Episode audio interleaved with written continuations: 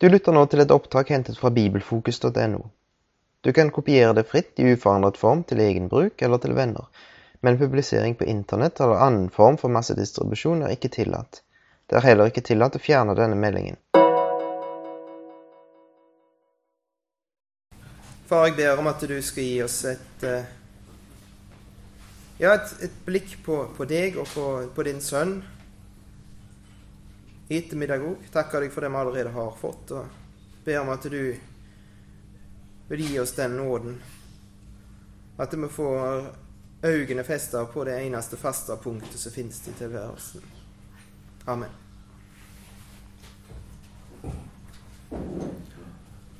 Um, det ble uh, kanskje litt mye tvil i går. Jeg kom til Og um, For noen som ikke ble så oppbygd av å høre at Nei. både David og Anders tvilte. Um, um, og I utgangspunktet prøvde vi faktisk å unngå det når vi forberedte oss, men sånn ble det bare. Uh, og vi tenkte oss ikke kan slippe helt de trådene vi begynte på i går. Um, for jeg, jeg veit ikke om vi fikk fram det vi egentlig ville ha fram. Nei, for, for true altså det, det, har jo blitt sagt etterpå av flere her, og det får bare gjenta. At true kommer av, av forkynnelse, står det, eller av det du hører. Og det du hører, det kommer av Kristi ord, av ordet om Kristus. Så det er når du får på en måte høre om Han og se Han, så blir det skapt noe inni deg. En tillit. Som òg heller ned i den der skodde dalen. Og selv om det er, altså det er på en måte tru på tross av av tvil som må komme. Og når trua vår blir sett på prøve, så blir det på et eller annet tidspunkt Hvis noe blir sett på prøve, så røyner det på. Og det kommer tvil på er Gud god? Hvorfor skjer dette med meg? Stemmer det som står i ordene hans? Alle mulige ting. Kommer jeg til å klare å holde ut? Kommer dette til å gå bra i det hele tatt?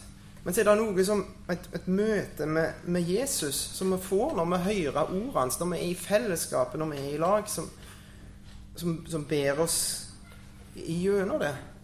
Og, og, og, de opplevelsene som du har på en måte gjennom livet, og de fører til at du på et eller annet tidspunkt gjør et valg på samme måte som jeg har gjort et valg i forhold til Naturbeate. At er jo hun oss er i lag. Jeg tviler ikke på vårt forhold. Uan, samme hva som skjer, og samme hva vanskelig det blir, og samme hva som, så er ikke det Det er på en måte en del av det.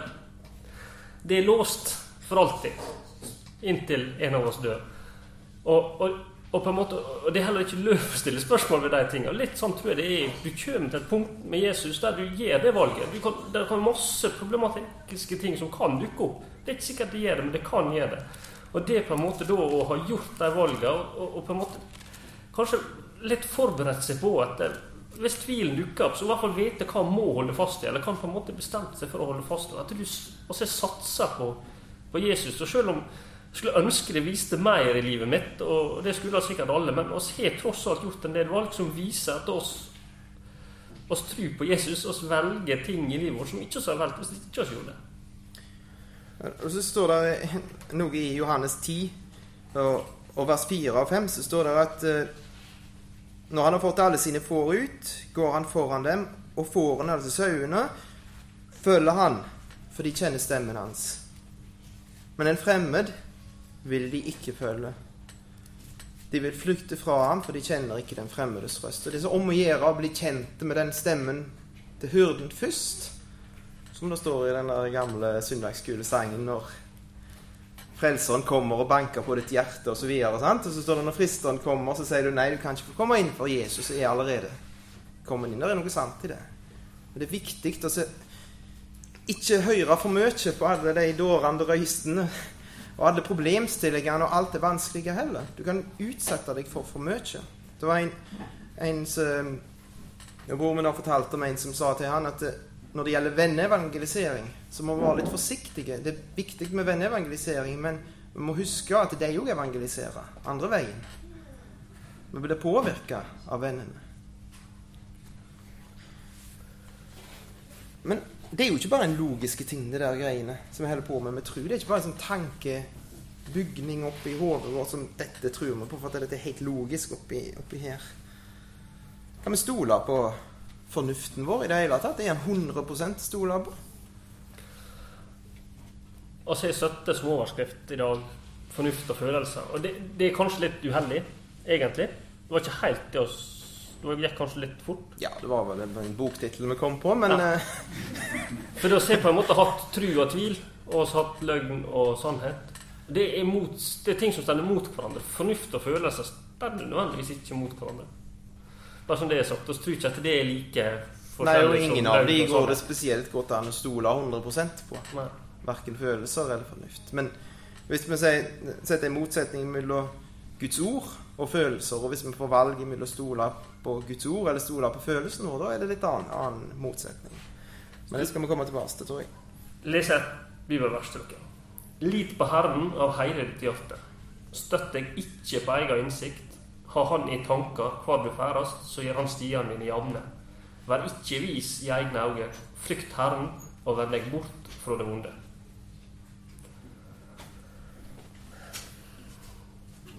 Men sier at du sier at du kan ikke stole på fornuften vår. Eller på tankene våre. Nei, det er jo altså, Er det noen som er blitt lurt der?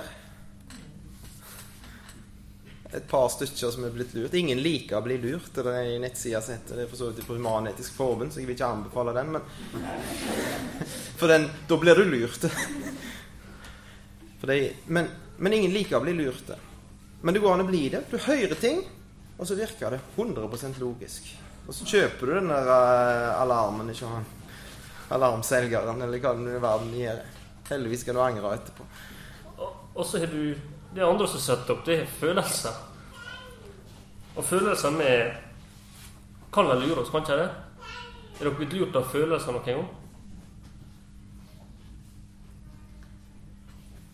Ja, det er vel noen som har vært forelska opp gjennom i personer som de er voldsomt eh, glad for at det ikke ble noe av. Det var en eh, countrysang om akkurat det, tror jeg. Da han takker Gud for akkurat det der forholdet der. Og det skjer. Og ofte der er ganske mye følelser knytta til det med, med kristendom. Men hva er det faste punktet, da? da? Hvis vi ikke kan stole på følelsen, ikke kan stole på forstanden? Skal vi bare eh, glemme både følelser og forstand? Vi må ha noe. må ikke. Det må være et eller annet som vi kan stole på. Nå skal ikke jeg løfte opp. Jeg tror det Men det sto noe om det i det verset han Anders les. Vi skulle stole på Herren, og det er en person. Og det er ikke, det er ikke en tankebygning, men det gir tanker. Og det er ikke en følelse. Men det gir følelser. Vi skal ikke hive de over bordet, følelsene. Eller tank, ikke tankene heller, heldigvis. Noen av oss liker å tenke. Og det er mange måter på en måte å, å komme i kontakt med denne personen på. Men på mange måter så er Bibelen ei, den kanskje beste kilde å se til, til kunnskap. Men, men hva, hva med, det, er, det jo et problem som noen av oss opplever av og til i visse situasjoner. At det, følelsene våre stemmer ikke helt med det vi tror på. Altså, vi, vi, vi, føler, vi føler ikke det som står i Bibelen i det hele tatt. på en måte. Det, det, vi Det- føler oss ikke frelst. Plutselig så leser du ting som på en måte gjør gjør at du, du føler deg ekskludert ifra, ifra frelsa, eller at du, dette her strider imot alt du egentlig vil føle. Hva, hva da? Hva skal, vi, hva skal vi da stole på når, når, når følelsene kommer i strid med Bibelen? Vanskelig spørsmål, det. Ja, jeg vet ikke. Det er for vanskelig å oppleve. Stemmer dette? Har, har jeg tatt feil? Det føles Jeg skulle jo ha følt noe. Man var jo inne på den Philip tidligere i dag. Han følte seg ikke frelst. Så Jeg, jeg opplevde akkurat det samme som han. Samme alderen. At eh, jeg ble frelst hver eneste kveld. Heldigvis tok det slutt. Nå er jeg frelst. Og så, og så er det det motsatte, som også kan skje. Det er at noe kan føles veldig bra. Men det er ikke dermed sagt at det er rett. Nei. Det er noen eksempler på dette i Bibelen, man tror. Vi tenkte litt på det. Og da er Altså dette med, med fornuften, det er jo ganske bra å bruke fornuften. Det er vi vel alle enige i. Bra å tenke gjennom ting før vi gjør det. Ikke gjøre noe, som, noe dumt.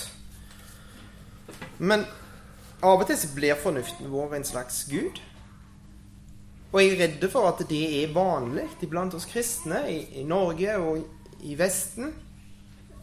Det inntrykket jeg har, iallfall, er at fornuften vår, eller forstanden vår, står over Gud. Hvis vi leser noe i Bibelen, så spør vi oss sjøl virker dette her fornuftig. Stemmer dette her med det som vi tror er bra? Og hvis vi syns at det virker ufornuftig, så legger vi det til side. Et eksempel er i mange kretser det som står om, om menighetstukt i Bibelen. Det virker for hardt, det virker for strengt. Og så legger vi det til side. Det skjer i stadig større grad når det gjelder seksualitet. Enten det vanlig heteroseksualitet eller annen seksualitet, så blir det på en måte Fornuften blir brukt som overdommer. Og det er ikke bare liberale kristne som gjør det, det er konservative kristne som gjør òg det. Men da er det jo til å stole vi jo på noe annet mer enn Gud. Det er en form for avgudsdyrkelse. Og Det er et eksempel i Det gamle testamentet om en transportetappe. Og det, det var det er en relativt kjent historie, men de bestemte seg for at de skulle flytte paktsarka opp til Jerusalem. Og eh, Det står i andre Samuels bok. Og de har fått tydelige instrukser om hvordan paktsaka skulle transporteres. Den skulle bæres av fire menn, og hvordan hele greia skulle gå føre seg. Men på dette tidspunktet så hadde de funnet opp hjulet. og eh, det virker noe mye mindre styr, og så setter en det på ei vogn, og så kjører en opp til Jerusalem. Og De tok og laga ei helt ny og fin vogn og fant noen bra folk til å kjøre denne vogna. og tok Ikke gammel kjerre akkurat, nei. nei. Så de gjorde, de gjorde, det skikkelig, for dette virka fornuftig. Virka mye mer fornuftig enn, enn sånn som det sto beskrevet det skulle gjøres. Og så var det, var det ganske bra med følelser òg. For David og hele Israels hus lekte for Herrens ansikt til alle slags strengelek, både av sypresstre, både sitarer og harper og trommer og bjeller og symbler. Så det, det, det føltes sikkert bra, og det virka fornuftig. Men det endte ikke så bra. For at han kjører over en hump eller noe sånt, og så sier hun litt, denne kista. Og da var det en som syntes at det var fornuftig å stoppe bevegelsen og holde ned seg ikke å velte. Og han ble da slått rett ned og, og død. For Gud er en, en hellig Gud. Gud er ikke en, en Gud som vi kan ha i lommen, som oppfører seg akkurat sånn som vi vil at han skal oppføre seg. Fornuften vår syns han skal oppføre seg. He is not a tame lion, sier C.S. I Narnia-bøkene. Han er ikke tam. Og David ble fulgt av frykt for Herren. Men forstanden sa at det var greit å ta den vognen. Og gleden var der. Følelsene var der òg. Og det var helt sikkert ekte. Intensjonene var til og med gode. Men det var ikke bra likevel. Og problemet var manglende kjennskap, eller manglende At de tok for lite hensyn til det som sto skrevet i Guds ord. Og det er det som er Det er det som skal avgjøre. Men går vi glipp av følelsene, da? Hvis vi gjør det på Guds måte, går vi da glipp av følelsene? Og Da er det et annet eksempel i, i andre Mosebok. Der det er følelser og lovsang og en fantastisk glede. For Gud har befridd de ut av, av uh, Egypt. Og farao er utsletta. Gud har berga dem, og så synger de en, en lovsang, en lang lovsang i 2. Mosebok 15. Moses sang. Den skal vi for så vidt synge i himmelen òg, så den bør vi kanskje lære oss allerede her nede. Der de lovpriser Herren med glede. Sant? Og synger 'Herren er min styrke og min lovsang'. Han ble meg til frelse. Han er min Gud, og jeg vil prise ham. Min fars Gud, og jeg vil opphøye ham. De har, de har sett Guds storhet. Og så blir det glede og lovsang og herlighet. Dans. Og dans blir det òg, faktisk. Miriam hun finner fram noen trommer og cymbaler og en del av kvinner som slår seg sammen med henne. Og så, så synger hun før 'Lovsyng Herren, for han har høy og opphøyet hesterytter styrtet han i havet'. Og så blir de med hele gjengen. Og, og der er, er glede, og det er ekte glede, og det er kobla til sannhet. Det, det er rett. Men så er det en Gjentar seg, ikke det? Nesten. Men det er en veldig lik situasjon litt seinere. Kapittel 32. Da òg lovpriser de Gud. For Gud, sant? Altså De bruker ordet Gud, Elohim, som førte de opp av Egypt. Og sier, Aron sier at det er høytid for Herren, Jehova. Noe galt med teksten på den lovsangen? Ingenting. Ingenting galt med Teksten skal jeg gjøre? Men da i senter der så var ikke det en var ikke Gud som sto i sentrum for den feiringa. Det var en gullkalv.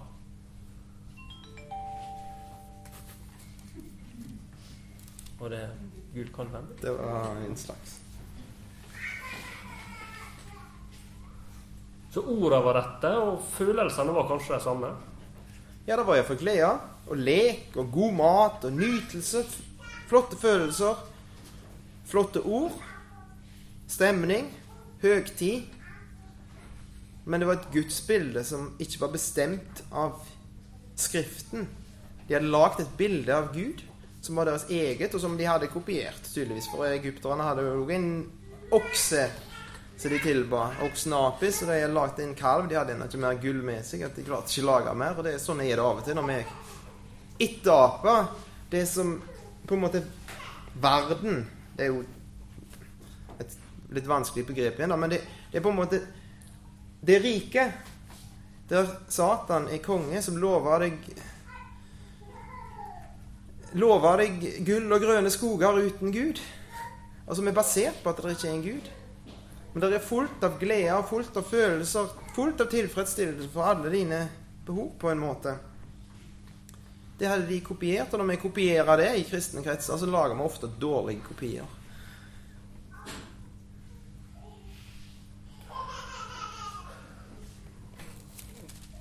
Og så er det mange forskjellige sorter følelser. Og det kan hende Jeg er kanskje ikke den som er mest kjent for å snakke, snakke så mye om følelser. Jeg prøver å late som jeg ikke har følelser. Um, men men der er, der er ulike typer følelser som vi blir utsatt for. Og det egentlig det som jeg og David kikker på i dag og diskutert, det er positive følelser. Men sjøl de fins det ulike varianter av. Og sjøl om det begynner å bli ganske mange år siden, så møtte jeg ei jente for noen år siden som jeg ble forelska i og fikk voldsomt sterke følelser for. Um, og det, det er spennende å være forelska. Og nå har jeg vært gift med henne i tolv år.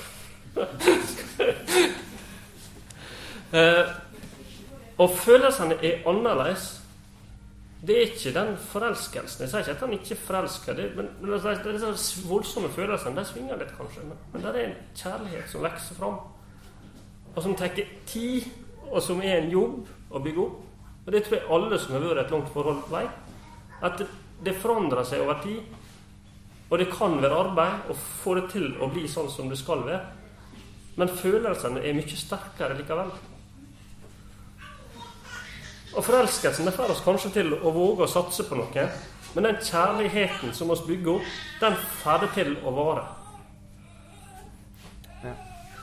Og av og til er det blitt sagt eh, Det er blitt på en måte sagt sånn til kristne kretser at eh, at følelser det Skulle ikke stole på følelser. Og så er på en måte følelser blitt bare hevet til sides.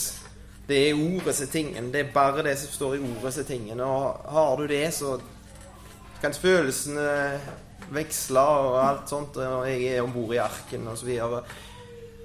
Men det er jo noe gale hvis det, det ikke er følelser.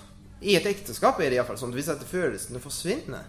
Hvis det bare blir et rent fornuftsekteskap så er jo noe gale. Og hvis forholdet vårt til Gud er bare en en fornuftssak. Det er det kanskje i, i vanskelige, mørke perioder. Der er det kanskje sånn at det er bare en bestemmelse. Bare en, en, et minne om, om, noe som du så en gang, og som du bestemte deg for at dette tror jeg på. Og så heller du oppå dette skjoldet, og så kommer disse, her, disse her brennende pilene haglende. Og, og, og det, er, det er ikke så mye følelser, men det er ikke det som er normalen. Men hvordan skal vi Hvordan skal, skal det bli sånt? At det, at det er både på en måte noe for Det stemmer oppi her, og det stemmer her, og det er, er glede, og det er kunnskap om Guds sanne kunnskap om Guds sannhet i, i skjønn forening. Hvordan blir det sånt iblant oss? Og nok et eksempel egentlig fra Gamle Testamentet, som oss, og det er Lennox som brukte det. Han, jeg mener på du var her på Sygna, i, egentlig en bisetning til når han kom med åpenbaringsboka. Der han snakka om, om, om, om Ruth som sanka aks på Boas sin åker. Altså For å bygge opp den kjærligheten til Boas altså Hun, hun gjenger tilbake til samme åker og sanker aks, og det fører til at hun forelsker seg og får en kjærlighet til Han som var høstens herre. Og sånn tror jeg det er for oss i forhold til Jesus. Hvis at oss gjenger til Han og samler mat der han der, der, den gode maten er å finne, så vil følelsene komme, og de vil være der. Men de vil endre seg. De vil helt sikkert svinge. Men, men faren er at å slutte å gå til åkeren og sanke. For det, det, å gå til den åkeren og skaffe seg mat, det er tungt arbeid. Bøye ryggen og plukke opp det som ligger igjen. Av og til kan det være fryktelig vanskelig. Nå var hun så heldig at han dro ut litt ekstra til det når hun trengte det. Det kan hende oss kan få oppleve av og til. Men det, det er ikke bare enkelt å opprettholde følelser. Men vi snakket jo i, i, i år om, om, om uh, tro og tvil, og jeg har av og til tenkt på når Jesus sier til, til folk at 'din tro har frelst deg', hva besto den troa i egentlig? Som gjorde at de fikk oppleve et eller annet. De ble helbreda, eller det var en som var død, som ble vekket opp igjen. Hva besto troa deres i, egentlig? Og jeg kom fram til at trua besto i at de faktisk gikk til Jesus. Det var det som var trua. De gikk til Jesus med problemet sitt. Og så ble de ikke skuffa.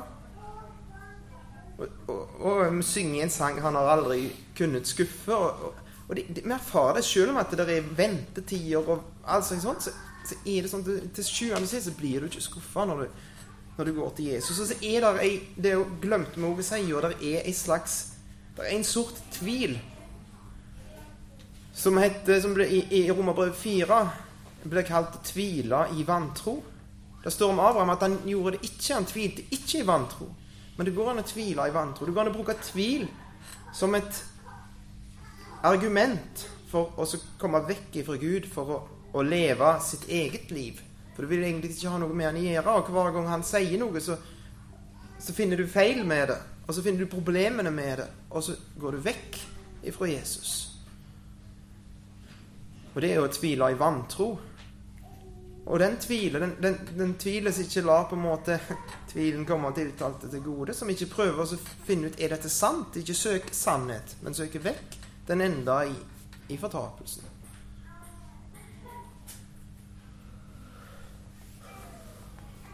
Og der er, der er i, i, Lukas 24 så står det beskrevet en episode der noen av Jesus sine disipler, eller altså en disipler går til Emmaus. Det er en veldig kjent fortelling. De går på veien og prater med hverandre om det som er skjedd i Jerusalem. Og så plutselig gjenger Jesus i lag med dem.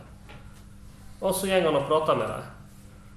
Og så spør han hva, hva snakker dere om, og så svarer de og, og hva de snakker om. Og så sier han til dem hvor lite dere skjønner, hvor seine dere er til å tro. Alt det profetene har sagt.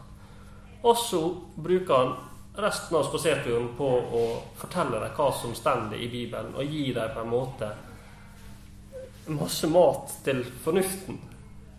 Han gir dem mye informasjon.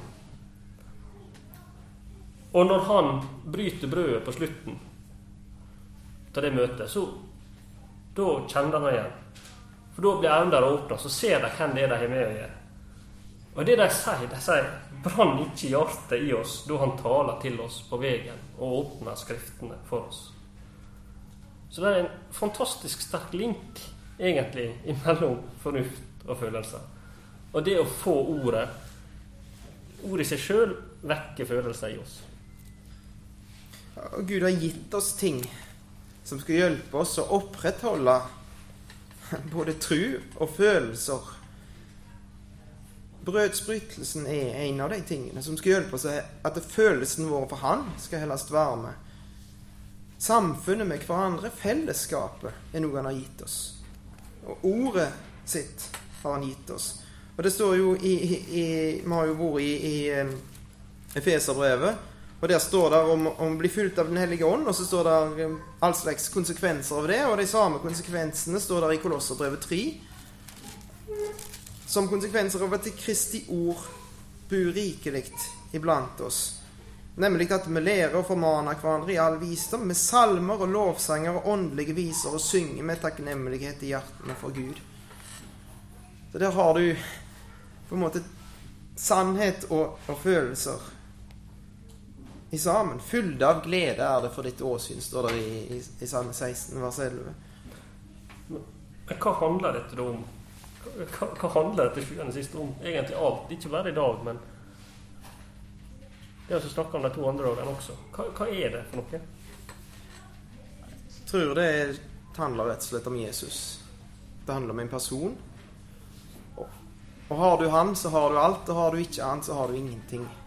Og hvis vi skal, skal vi konkludere sånn som, de, sånn som han der eh, Philip Nunn gjør?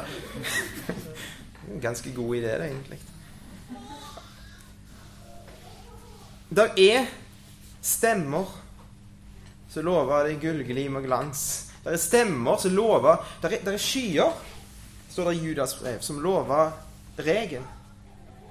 Du, de skaper forventning. Du ser skyene, og så forventer du regn snart. Du gleder deg hvis du er bonde, da. Eller laks og fisker. Så gleder du deg. sant? Nå kommer det snart fruktbar tid. Nå har det vært tort så lenge. Nå skal det komme regn ifra himmel. Skyer, sant? Og så, så er det trær. Så du ser blomster på. Og så forventer du at det, det skal komme frukt på dem. Snart skal det komme frukt på dem. Og så er det stjerner. Og så ser du dem, så forventer du at du skal kunne navigere etter dem. Og så når du føler deg, så skal du komme til målet du ønsker. Men så blir de kalt for vannløse skyer. Og nakne trær om høsten. Og villfarende stjerner. Det kom aldri regn. Og det var Det kom ikke den frukten som du forventa. Du kom ikke til det målet du ville til. Følelsen er der, forventningen er der, alt er der, men det, det virker ikke. Og ikke hør på de stemmene. Og for ikke å høre på de stemmene, så må vi kjenne Guds ord. Vi må prøve det på Guds ord. Vi må la Guds ord være det som bestemmer. Og ikke forventninger og følelser og Fornuft. Og fornuft, for den saks skyld. Guds ord må få lov å bestemme og skape de følelsene i oss. Og så må det handle om Jesus. For, for um, når var det vi var på dette møtet, Margitta, et par måneder siden? Gikk vi på søndagsmøte på bedehuset. Og um, det var Holy Riders som hadde møte. Så jeg må bare helt ærlig innrømme at jeg hadde ikke spesielt store forventninger. Litt forutinntatt var jeg, kan du si. Og kom inn der, og der satt de med skinnjakkene sine med Holy Riders bakpå. Det var de som skulle ha møte. Vi setter oss på galleriet og og venta ingenting av dette greien her. Og så kom det til talen. Han som talte, da, var en tidligere president i Holy Riders i Norge. Og det, han talte egentlig ikke noe ser. altså Det var på en måte ikke bibelutleggelse. Det som han egentlig gjorde, det var å gjenfortelle Jesu liv. Han fortalte om hva Jesus gjorde. Hva han sa. Hvordan han omgikk med mennesker. Hvordan han gikk til korset. Og så Han malte på en måte bare Jesus for oss.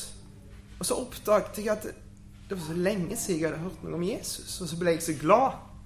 Og det ikke bare jeg som ble, alle som var der, ble glad. For vi fikk se Jesus, og det er det som det er det vi må, det er det som ber oss, og det må vi vise fram til hverandre når vi er i lag. Han, han elsker oss inntil døden.